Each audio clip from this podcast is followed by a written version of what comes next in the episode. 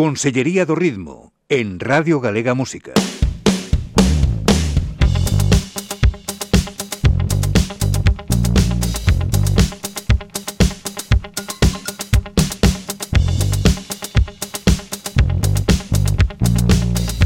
Con Tito Lesende.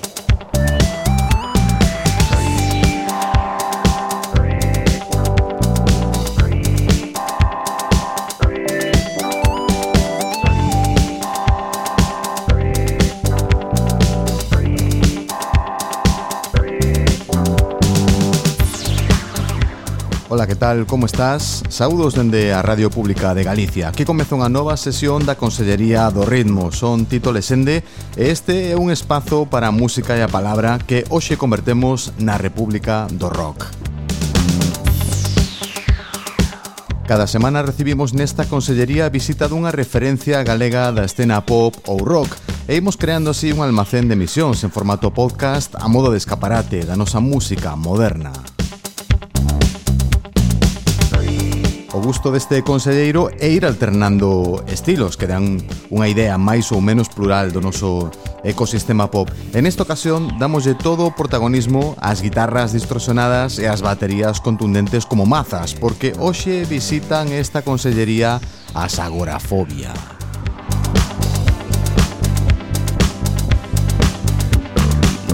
Veñendo Brabanza e están afeitas a tocar nos Estados Unidos ou no Reino Unido, polo menos antes do Brexit. Agorafobia teñen un par de discos curtos e dous álbums, Incoming Noise de 2017 e Analine de 2019. Asíña recibimos por aquí a Paula Rego e a Lucía Fernández que viñen representar Agorafobia nesta ocasión.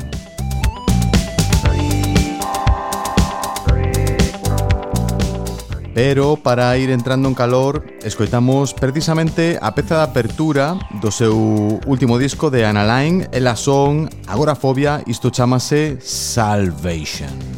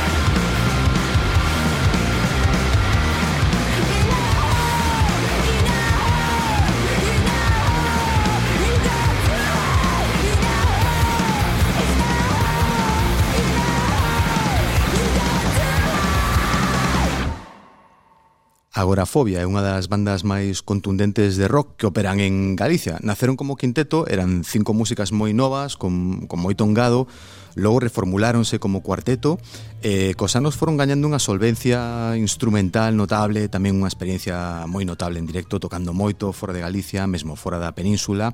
É un gusto recibir na Consellería do Ritmo a Agorafobia, hoxe representadas pola baterista Paula Rego. Que tal, Paula, como estás? Hola, que tal, moi ben. Bueno, e a baixista Lucía Fernández. Hola, Lucía. Hola. Eh, vos sodes a base rítmica do grupo. Benvidas a esta sesión plenaria da Consellería que celebramos nesta ocasión na sede das GAE en Santiago de Compostela. É un privilexio travos por aquí. Gracias. Gracias. Privilexio para nós. Claro. eh, temos que dicir que completan a formación titular Sabela San Pedro na guitarra uh -huh. e eh, Susana Saavedra na voz, as que mandamos un saúdo tamén dende aquí, non? Sí. Eh, bueno, no fondo teño convencemento de que de que toda persoa que se dedica á música eh, parte dunha chispa vocacional que moitas veces venden da infancia, non? Eh, e de feito, Agorafobia naceu en Boiro, non? Supoño aí uns 15 anos aproximadamente e foi nun instituto, non? Erades, non sei se erades todas compañeras do instituto ou como foi aquilo, contádeme. Claro, o que pasou con Agorafobia que era é un proxecto que ten como dúas etapas moi diferenciadas. Entón, Lucía e eu formamos parte da segunda etapa. Ajá. A etapa de adolescentes que se coñeceron no instituto era un proxecto de punk rock uh -huh. de Susana, que eh, tiña con Aislin, a, a anterior guitarrista, E, bueno, nos entramos en 2013 Xa para, para tocar outra cousa moi distinta Tampouco sabería definir xo que era, era... Uh -huh. Igual que Sabela tamén Sí, como Sabela ah, es que uh -huh. era, era outra formación, realmente, antes uh -huh. Pois facíamos indie garage algo Indie garage rock chamábamos Pero era, non sei, non era nada bueno. Estábamos sí, experimentando rock, Para saber onde queríamos Sí, rock, bueno, rock estándar. Mm. Claro, como foi o voso primeiro concerto de Bolas Dúas con Agorafobia? Lembrades esa primeira ese primeiro bolo? O todo maio. Sí. Sí, 8 de maio. Eh, no, de marzo, 8 ah, de, marzo. perdón, de marzo, día, sí, claro. Día da muller. Ah, sí. Ajá. En Ourense, en, en Ourense, sí, coas tetas van. En Ourense. Sí, sí. na sala de Berlín, que creo que xa non nin sequera está aberta xa.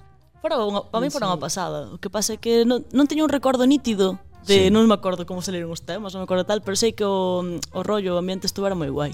Mm. E, e foran que ano? 8 de marzo 2013. de... 2013. 2013. Mm. E a ah. partir wow. de aí foi cando dixemos, bueno, parece que funcionamos aí como banda, vamos poñernos a compoñer un pouco e tal, presentámonos a concursos, porque daquela de, nos víamos o futuro en concursos, hai que presentar concursos, gañar visibilidade, que era como mm. víamos, nos queríamos tocar en todas partes, e presentámonos a un, sonou a campana, gañamos antes de poder ter nada. Uh -huh. co, co que, porque claro, o premio era gravar un disco, pero non tiñamos cancións. Uh -huh. Entón, bueno, o concurso era de dunha coñecida de marca sí, telefónica. De, de telefonía, de telefonía, sí. sí. Eh, eh, cando gañamos e nos dixeron, ahora Vida Madrid gravar un disco foi como, vale, pero que temos compostos, non sei, tres temas daquela, ni siquiera rematados. Entón, puxámonos aí as pilas no verán, fomos a Madrid sen ter nin idea, nos, de, en plan, boa, estamos nun estudio en Madrid, tía, 2013, éramos unhas nenas.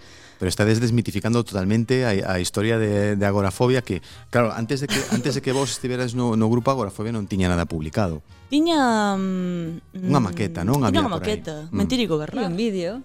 Bueno, el vídeo ese que ponen en todas partes. tiña vídeo, tiña vídeo videoclip tamén. Que claro que casi na, na época de, de transición entre entre o, bueno, o proxecto anterior agora, é eh, que claro, como se conservou o nome, a xente confundía, é normal. Entón, sempre que íbamos a tocar algún festival, xa en 2015, 16, sempre salía o mesmo videoclip que, que as anteriores componentes e co anterior todo. Entón, eh, presentábamos como esa banda de punk rock que ven de Galicia, nos que non, que non somos esas. non vos identificaban con, con, ese, con ese videoclip. Vale, mm. pero vos sodes de Boiro tamén ou non? Eh, Por... no, eu son de un concello que se chama Dodro, que Ajá. está moi cerca de Boiro. Claro. E Lucía é o de máis longe. Eu sou, eu sou palentina. Pero, eh, claro, palentina é galega adoptiva, non? Sí, Desde llevo cando? aquí, eu levo vivendo aquí dez anos, máis, máis ou menos. En Santiago de Compostela agora, mudeime para Pontevedra, pero Sigo sendo adoptiva. Vale, vale, no, no con 10 anos xa non és adoptiva, con 10 no, anos sí. terás, bueno, terás xa... sí, no, ya estou ya, ya empadronada aquí, claro. ya... Está guai xa. porque cando xiramos por España e falamos coa xente de desto de, de Castilla Profunda, sempre pensan que ela é a máis galega porque é que ten máis acento de todos.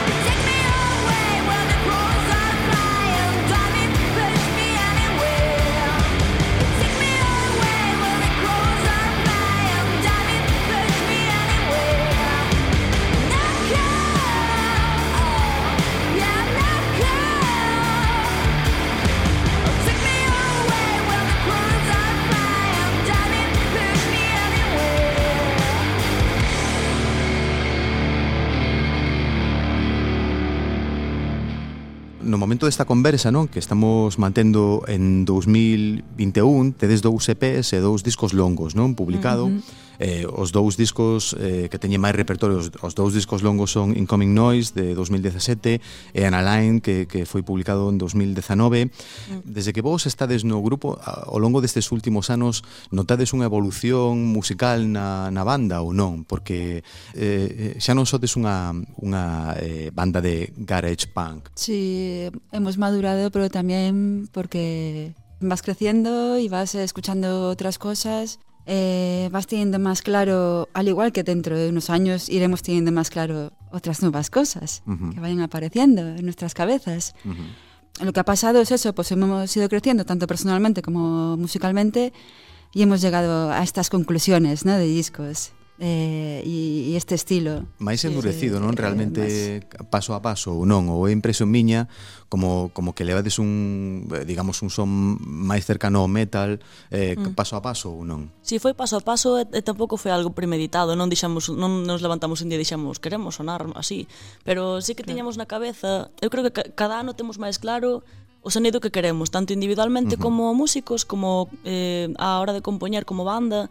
xa son as cousas que nos saen de forma natural, entón nos deixámonos levar. Por eso, de feito, eu creo que din con Minnois a, na line xa hai un paso que demos sen sequera darnos conta e o seguinte que sala será outro paso hacia sabe Dios. Uh -huh. É o que estamos ahora indagando. Pues está guai, non? Claro, no, sí. O sea, nós creemos que, ou polo menos eu creo, que mm, está ben que unha banda sexa dun estilo ou de outro, pero tamén poñerte etiquetas porque sí, para poder encaixar en sitios, pois non está tan ben. Entón, eu creo que deixarse levar, ter algo que contar e contalo de formas distintas mm, que vayan coincidindo, pois co, o que decía Lucía, que a túa madurez personal, musical, pois é o que mola, joder. Tamén se identifica esa madurez con el, con el sonido del disco. Uh -huh. Sí, también eh, hemos estado trabajando con gente que nos ha ayudado, a, nos ha proporcionado también pues, lo que necesitábamos para sacar ese sonido, que suena más serio. Bueno, son é contundente. Eh, agora, gust, gustaríame saber, non? Porque, claro, levades nos cinco anos anteriores á pandemia eu teñemos visto tocar en moitos sitios, non? Desde o máis ao norte probablemente na Coruña e o máis ao sur en Cádiz. Mm. Pero eh, eh, incluso eh, eh, fixestes unha, unha serie de, de bolos, non? Polo Reino Unido. Eh, como foi esa experiencia por aí? Foi unha, unha auténtica pasada. O sea, nós cando fixamos a banda Para nós o soño era poder tocar fora de Galicia, pero pensábamos Madrid, Barcelona, nunca nos imaginamos pues, ir a Austin, como fomos, a Filipinas. Claro. Ese era un sitio que non... Filipinas. Filipinas sí que non sí. nos imaginábamos ir ali nunca. A Reino Unido fomos dúas veces, eh, estuvemos en Alemania tamén, o sea, mm. unha auténtica pasada. E o, o que máis nos mola é que levamos a nosa música por diante de todo. E, por exemplo, en Reino Unido sentimos que empata moi ben ca xente, polo menos co público que que fomos gañando ali pouco a pouco, uh -huh. sentimos que hai moi boa conexión, eh, entón só nos dan ganas de volver. En Coventry nos, han, nos adoptaron. Si somos en Coventry, joder, además que nos dijeron, ya nos dijeron en otros sitios que la, que la gente de Coventry era bastante dura. En de gusto sí en cuanto a aceptar a gente de, bueno, de, sí, de, de fuera. fuera. Muy sí. pechada, gente pechada. Sí, gente pechada, sí, de y precisamente fueron donde es, bueno, justo cuando empezó la, pandem la pandemia, ¿no? Uh -huh íbamos a volver a Coventry. Ya como... Íbamos a ir a un festival de Coventry, no que solo tocan bandas de Coventry. Sí. querían nos salir. Sí, nos querían sí, ahí. Sí. Y dices, joder, pues... ¿Sabes? Son, que, que, quizás en ese... Eh, ahí a lo mejor son cosas pequeñas, pero Ajá. para nosotros es grande. Claro. ¿Sabes? Esto de que te abran las puertas... Mm, joder, una ciudad de, de Inglaterra, sí. ¿no? Que, uh -huh. que dices, pues, ahí está el, el lo sí. que es el... Hay, hay que tener cuidado con eso porque, claro, ti es palentina, pero eh, podemos decir que xa es galega e ademais sí. de Coventry, non? Eh, o seguinte paso é a esquizofrenia, hai que andar con cuidado, eh? Hombre, sí, el siguiente paso es como non hai pasaportes. Bueno, eh, levades un cómputo eh, do número de concertos que levades ata hoxe, porque en moitos grupos hai unha persoa que se encarga dese tipo de cousas, non? E de xuntar tamén os recortes, non? De, de, de prensa, e de levar e de xuntar as fotos en nun álbum, ese tipo. Vos levades o número de, de por exemplo, de concertos que levades dado ata hoxe? Non, para pedir a prestación. así para a prestación de músicos. Fomos contando de meu un, sí, pero... Oye, pero no... ¿Cuántos conciertos eh, hemos hecho? Porque claro, como, en, como en todos los conciertos que damos estamos dadas de alta, hay que contabilizarlos así. Claro. Pero, no, a verdade é que non, non prestamos moita atención Pero sí que, por exemplo, a ver eh, Por exemplo, eu teño familiares que gardan os recortes de periódico así, ah. Pero a mí nunca se me dou por eso, nin nada Pero, home, Molaría por curiosidade sabelo, porque eu sei que houve anos que, que foron un desmadre de, de concertos, outros non tanto, pois o ano pasado ou mesmo 2019 que foi cando estábamos compoñendo na Line, uh -huh. foron un pouco máis escasos de bolos. Pero bueno, cantos as pulseritas e los Sí, eso sí que facemos todas, as pulseras de festival, esas acreditacións. Cardar as eh, pulseiras e todo iso. Primeiro era unha carpeta, ahora xa nunha caixa.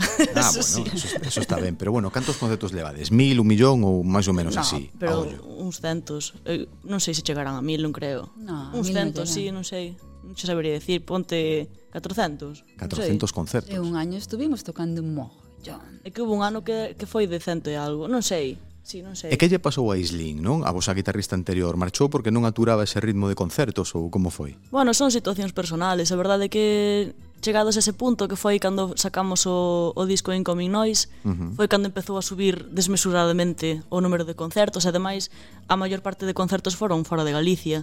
Entón, por cuestións personales, unhas podíamos facelo, e ela desgraciadamente non podía facelo, uh -huh. e unha, as bandas son así. O sea, os, os destinos de cada persona, pois, nada, foi unha, unha decisión que se falou e se tomou en base a eso. Claro.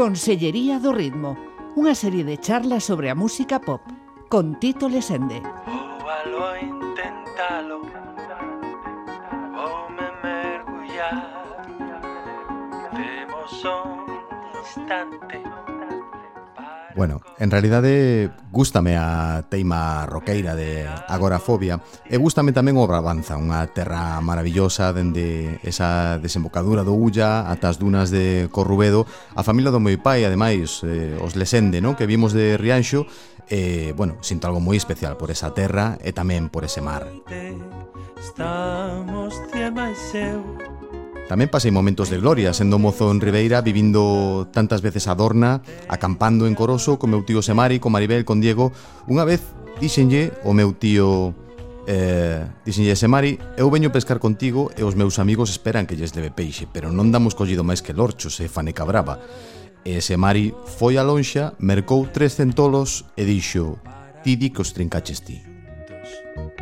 Pero claro, no Barbanza tamén está Catoira, cos seus vikingos e con Bayuca, e a pobra do Caramiñal, esas conservas tan saborosas, o meu pai contábame cousas moi positivas do señor Escurís, ese gran conserveiro, porque el fixera un apaño na casa, o meu pai era electricista, traballara na casa de Escurís e fora moi ben tratado, así que se ti estás escoitando isto e coñeces a familia Escurís, dalle grazas da miña parte. Trataron moi ben o meu pai.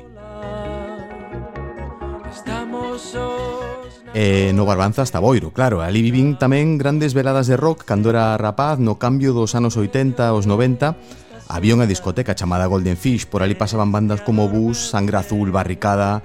Eh, Por certo tamén En Boiro deu Barón Rojo o seu último concerto coa formación orixinal Disto falamos pouco Pero aquela noite fixeme un selfie con Barón Rojo E eh, inmediatamente desfixéronse despois, non? Espero que non tivese nada que ver con ese selfie. Eles ademais volveron xuntarse outra vez xa neste século, pero bueno, toda a maxia de Barón Rojo quedara realmente en boiro. E daquela escola e por aquelas terras naceron bandas tan importantes como os Herdeiros da Cruz e máis recentemente Agorafobias que temos hoxe convidadas na Consellería do Ritmo. Todo, todo isto foi un contexto moi tremendo, eh, se o pensas. Leva, leva Así que, bueno, escoitamos agora Carlova, a apertura do primeiro disco de Agorafobia, do primeiro disco longo de Agorafobia, e retomamos a conversa á volta desta peza. I don't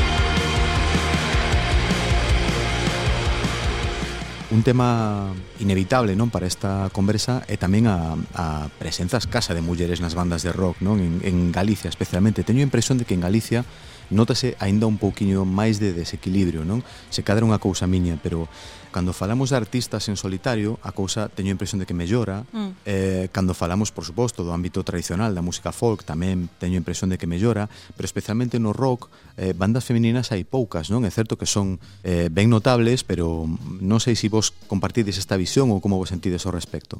É o que distí, seguramente en Galicia se nota máis esa diferencia porque eh, nos últimos anos eh, sí que é verdade que, mm, bueno, falo de España, eh, saliron proxectos moi bons eh, que están tendo moita repercusión, pois tipo Belaco, Mourn, Heinz, eh, en Madrid estaba vendo un apoxeo de, de bandas tipo Ginebras, eh, mm, eh, Cariño, etc. Uh -huh.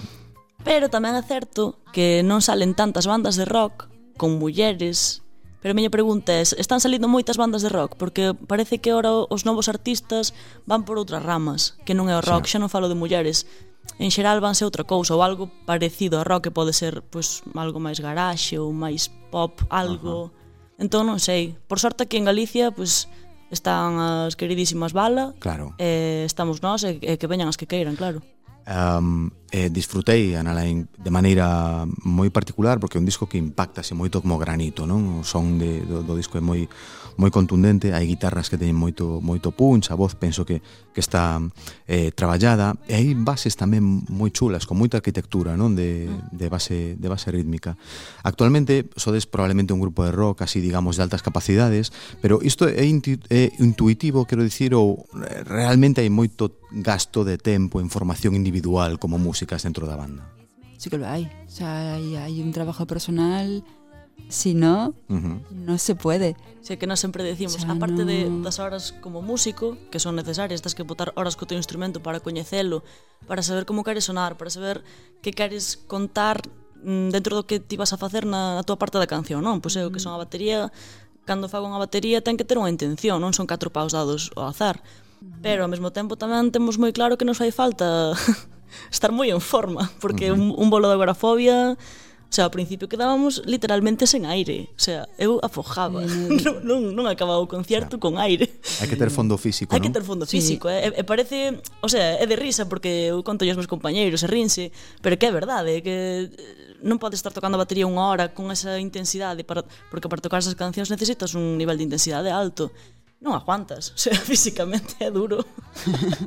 Bueno, sabedes que hai moita xente, hai, hai moitas bandas que ofían todo moito máis a, a, a ese concepto que en inglés chamamos a actitude, non? Mm. Ter un pouco de morro, ter poñerlle intención aí no escenario, unha actitude máis máis punky, non? Por, mm -hmm. por decirlo así. Mm -hmm. Eh, e non tanto na, na, digamos, na formación académica, unha formación, na especialización como, como instrumentista, non? Dentro dentro da banda. Por iso eh, me parece que estes dous puntos de vista mola que estén aí reflectidos, non? Que hai, hai xente como a vos que sí que vos formades, non? Eu creo que é o mítico de que hai que formarse e hai que ter técnica para olvidarte da técnica cando estás tocando. Uh -huh. Se ti cando estás tocando non podes estar pensando na técnica, estás que estás pensando no momento no que estás. A ver, é o máis complicado, non? É o de meterte direct, meterte completamente no no concerto no que estás contando. Pero claro, tens que ter un mínimo de técnica para estar tocando nun concerto, non estar pensando teño que agarrar así, teño que poñerme asá. Ou nun concerto tens que contar, tens que ter atitude, que a nadie lle importa que seas eh, Steve Bay se non, se non estás transmitindo nada. Claro, la cosa es tener esa técnica para, para poder disfrutarlo. Cuando lo disfrutas, gente disfruta.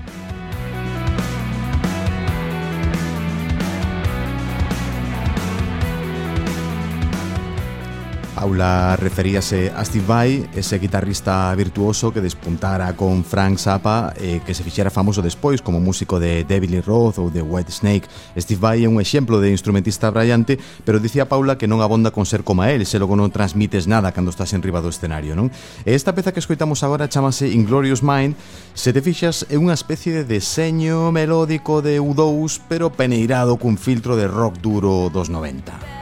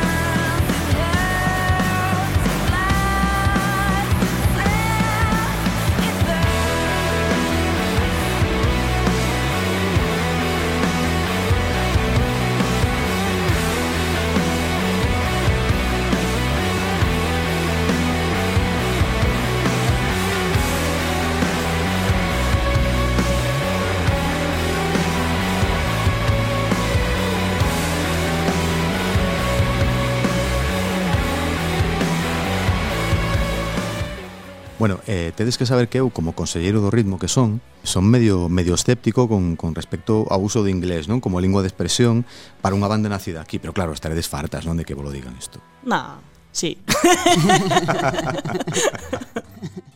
no, pero mira, a mí dame rabia, non? Que, que eu penso que si, que si eh, derades un paso máis, non? De, de, de cantar nunha, nunha lingua que penso que poderías eh, conectar máis co público en xeral aquí, non? Con público máis máis amplo, pero claro, vos que tocades en Filipinas eh, eh, en Alemania, eh, no Reino Unido, pois diredes, mira, para a min para tocar en Coventry tanto me dá. No, pues tampouco é unha cuestión de, de querer, abar, o sea, cantar en inglés por querer abarcar todos os países do mundo, senón que a banda naceu así, compuxamos desta forma, porque a música que escoitamos sempre estaba en inglés, sí que é verdade que hai certos grupos que nos gustan, pois imagínate Nine Inch Nails, por poñerche un exemplo, non ten homónimo en castelán. Uh -huh. Entón, como que nos tira facer as letras en ese idioma, eh, é o que estamos acostumadas e non sei se no futuro sempre decimos, "Buah, molaríanos facer eh, algún tema en galego, molaríanos facer algún tema", pero a verdade é que cando estamos compoñendo o que as, as rimas que nos salen, as frases que nos veñan á cabeza, e todo eso sempre en inglés.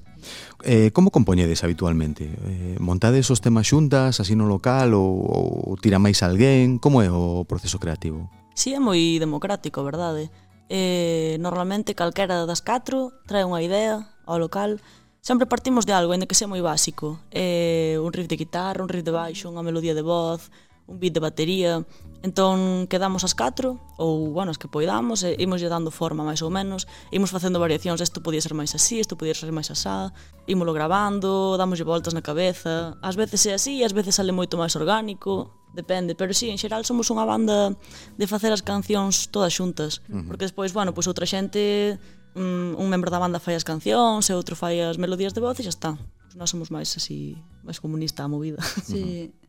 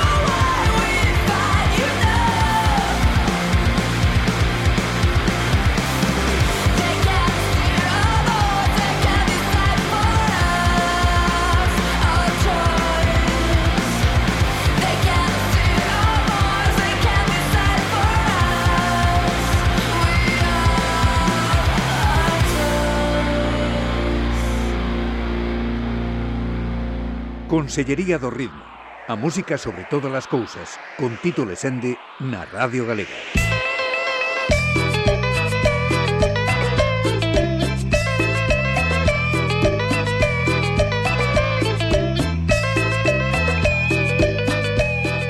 Ah, aí está Chicho Ortiga, sempre aparecendo para darnos unha, unha alegría con este ritmos tan tropicais. Bueno, se esta é a túa primeira visita a Consellería do Ritmo, na web da Radio Galega podes atopar anteriores capítulos ou podes tamén buscar a Consellería do Ritmo en Instagram ou en Facebook. Pero hoxe é a quenda da agorafobia. Escoitaremos agora un tema publicado en 2019, pero que xa daquela falaba dun mundo enfermo antes de que chegase a pandemia. Esta canción chamase The World is Dying.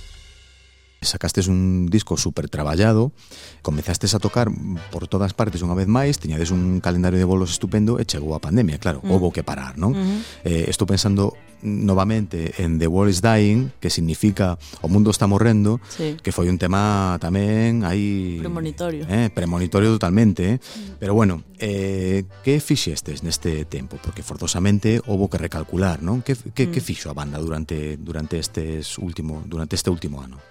Primeiramente, tirámonos dos pelos, porque cando vimos que se nos botaba a nova... Bueno, a nós e a todo o mundo, claro. Uh -huh. eh, pois dixemos, pois mira, cancelamos pois varias cousas importantes que tiñamos eh, de cara a 2020. Eh, claro, primeiro foi a impresión de mi madriña que nos quedamos en concertos a saber canto tempo. Despois empezaron a salir así mm, pequenos así halos de luz de, uh -huh. de cara ao verán, tivamos algúns bolos que se agradecen porque a verdade é que estuvo moi guai que, que se contara con nós para iso, que pasa que foi moi raro, moi raro, máis un grupo como nós que, eso, pois pues, imagínate tocar de Wallis Dying ás 4 ou 5 da tarde, non sei, para xente sentada, é como, non sei, foi moi raro. Este ano, pois, peor aínda. E despois tamén houve un, un auxe de, de cultura en redes sociais, ao que decidimos non sumarnos, porque decidimos pausar as cousas e pensar que vamos a facer e non estar nese, nese estar por estar. De hai que subir covers, hai que subir vídeos tocando, hai que subir directos, hai que subir, hai que subir. Non, nos dedicámonos a vamos a calmarnos e ver como vamos a facer as cousas porque realmente acabamos de sacar un disco e eh, chao. Aí se quedou. Claro. Que é normal, que lle pasou a moita xente. Outra mm. moita iba a sacar o disco neses meses e o guardou pois hasta ahora. Mm. Eh, parece que dicía Clint Eastwood nunha película que o mundo se divide en dous, os que cavan e os que teñen a pistola. Pero penso que neste momento, durante a pandemia, os músicos e as músicas eh, dividíronse en dúas partes tamén os que encheron as redes sociais de contido mm. e os que decidiron parar porque pensaron que ese non era o camiño, non? O camiño, digamos, de, de facelo excesivamente accesible, non? A xente que parecera como que eso non era esforzo, non? Como que, como que iso podía ser, en certo modo, eh, chamando as cousas polo seu nome, gratis. Sí, é que foi exactamente... Eso foi como... A ver, eh, son formas de velo. Mm. Realmente, creo que as dúas formas están moi ben. O que pasa que nós, personalmente, non vimos que ese fora o noso camiño. Entón decidimos mm, deixar pasar as cousas e eh, bueno, ainda estamos un pouco a expectativa de ver que vai pasar, porque tampouco se espera que este sexa un ano claro. con as expectativas moi altas, entón, bueno. Bueno, en a mentres comentaronme que, que Susana cambiara o micrófono polo remo, non? Eh, que andaba por sí. competindo en piragua ou non sei que... Non sei, simple, non sei, que sabedes dela? Sabedes algo? Estades en contacto? Anda por aí remando? Que fai? Susana, remando, se nos sí. escoitas. No, sí, a verdade é que se eh, uneuse ao Club de Remo de, de Boiro Ajá. Eh, está moi contenta temos que, que invertir o tempo en algo, eso está clarísimo. Bueno, oiches, vaille ben para ese fondo físico do que, sí, que, sí, sí, ¿no? sí. do que falábamos. Eu fun, eu fun dous días con ela, o que pasa que non volvín, claro, porque non me, non me dá ese fondo físico. Eh, é moi ben, a verdade. Eh. Dalle moi uh -huh. bo xeito Bueno, claro, vos estades en contacto, a cousa que o grupo pare, pero vos estades en contacto entre... Sí, sí. nos seguimos ¿no? vendo, nos ensayando, claro. que si non... Susana guay. está con el remo, yo estoy con la huerta, mira... Que guai, prácticamente, o sea, se o mundo realmente rematara, se, se, se isto fose realmente un apocalipse, vos estades eh, xa como abrindo novos oficios, non? Como para comezar unha nova civilización. bueno. visto así. bueno, quedeime na música tamén, subindo covers, eh? eh, meténdome en máis historias. É que se, é que se non reventa a cabeza, realmente. Uh -huh. Algo hai que facer. Claro. la música siempre tira además. O sea, Sí. por mucho que... Uy, por mucho que quieras hacer otras cosas, siempre estás pensando, tengo que tocar. Sí. tengo mono de tocar.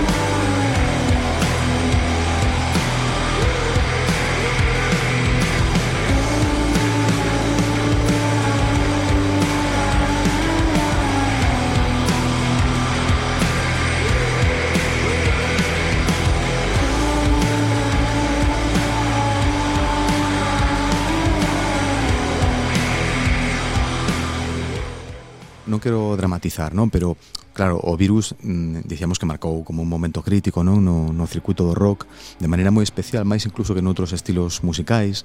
Eh hai moito damnificado dentro do sector. Agora mesmo o rock é un oficio viable en Galicia? Podes vivir do rock agora mesmo? Como facedes? Ahora mesmo, ahora mesmo no.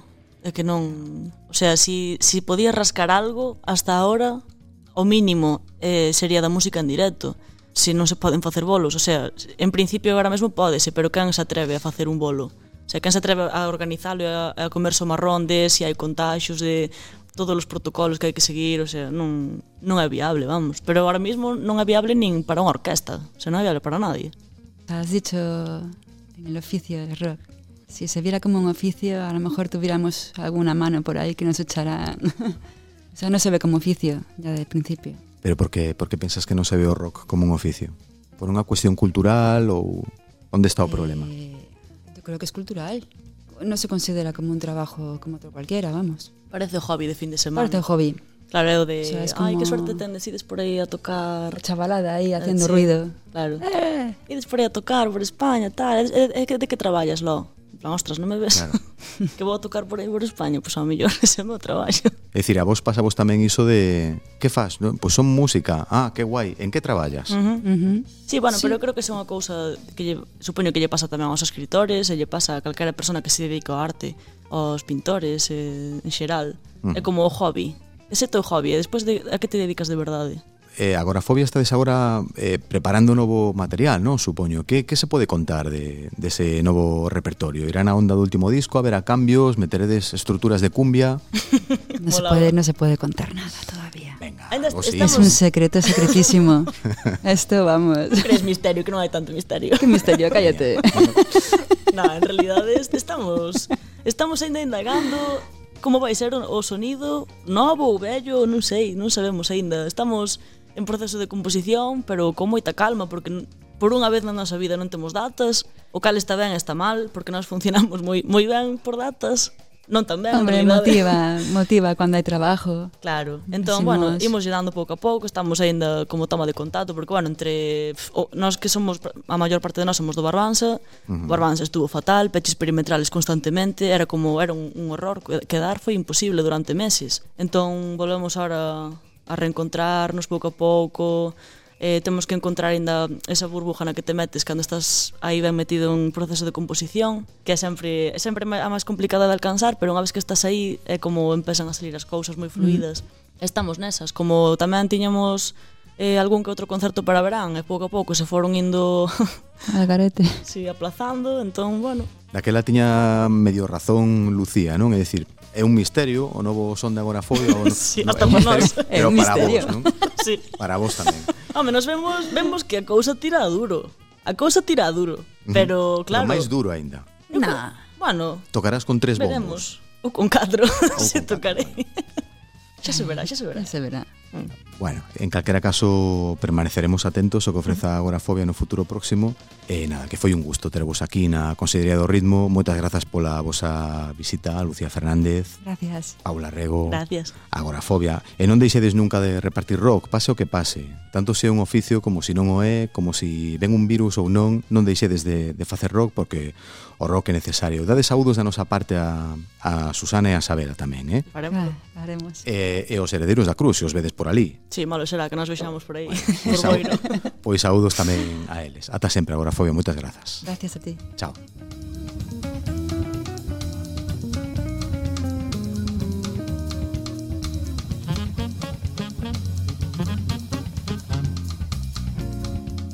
Gústame mogollón, estimúlame moitísimo este choque, este cruce de xéneros e de músicas, escoitar esta estas músicas de, que, que utilizamos agora mesmo de, de, fondo con ese rock tan duro de agorafobia, eh, super seductor. O rock como oficio, digan o que digan, eh, tamén como dogma de fe, a música, como paixón, tal como vimos de conversar con Agorafobia, falaron as eh, mozas de Agorafobia e foi outra conversa amena e enriquecedora para esta consellería. E aquí remata este capítulo dedicado a outra referencia do talento musical galego que arquivamos nesta ocasión no epígrafe de rock. Quedamos sempre agradecidos a Agorafobia pola súa visita e tamén a sede galega das GAE por acoller novamente a Consellería Móvil na Sala Germán Copini de Santiago de Compostela. estamos todos e todas unidos polo ritmo. Agora pechamos portas e ventás da Consellería, pero regresamos a vindeira semana no mesmo sitio, o mesmo día, á mesma hora, cunha nova sesión. E tampouco votaremos tanto de menos a agorafobia porque elas seguen aí en contacto a tiro de pedra no Barbanza, nos nosos escenarios, nas redes sociais e nos foros habituais. Exactamente igual que a nós, exactamente igual que a esta consellería. Son Tito Lesende, mandoche unha aperta super agradecida. Agora quedas na sintonía da Radio Galega, nosa radio pública con Agorafobia. Que teñas unha semana estupenda, grazas pola túa atención, chao.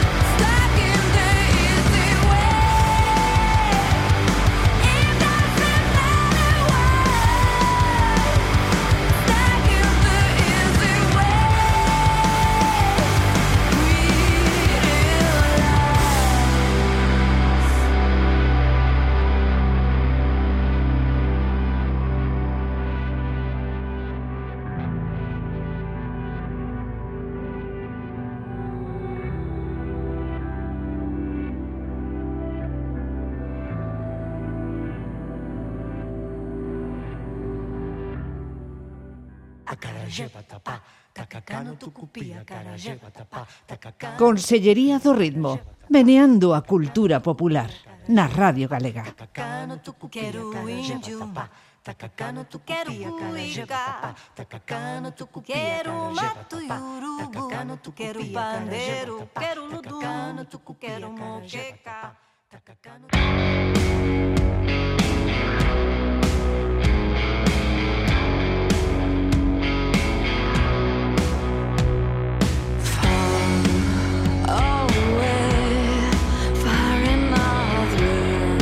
Nothing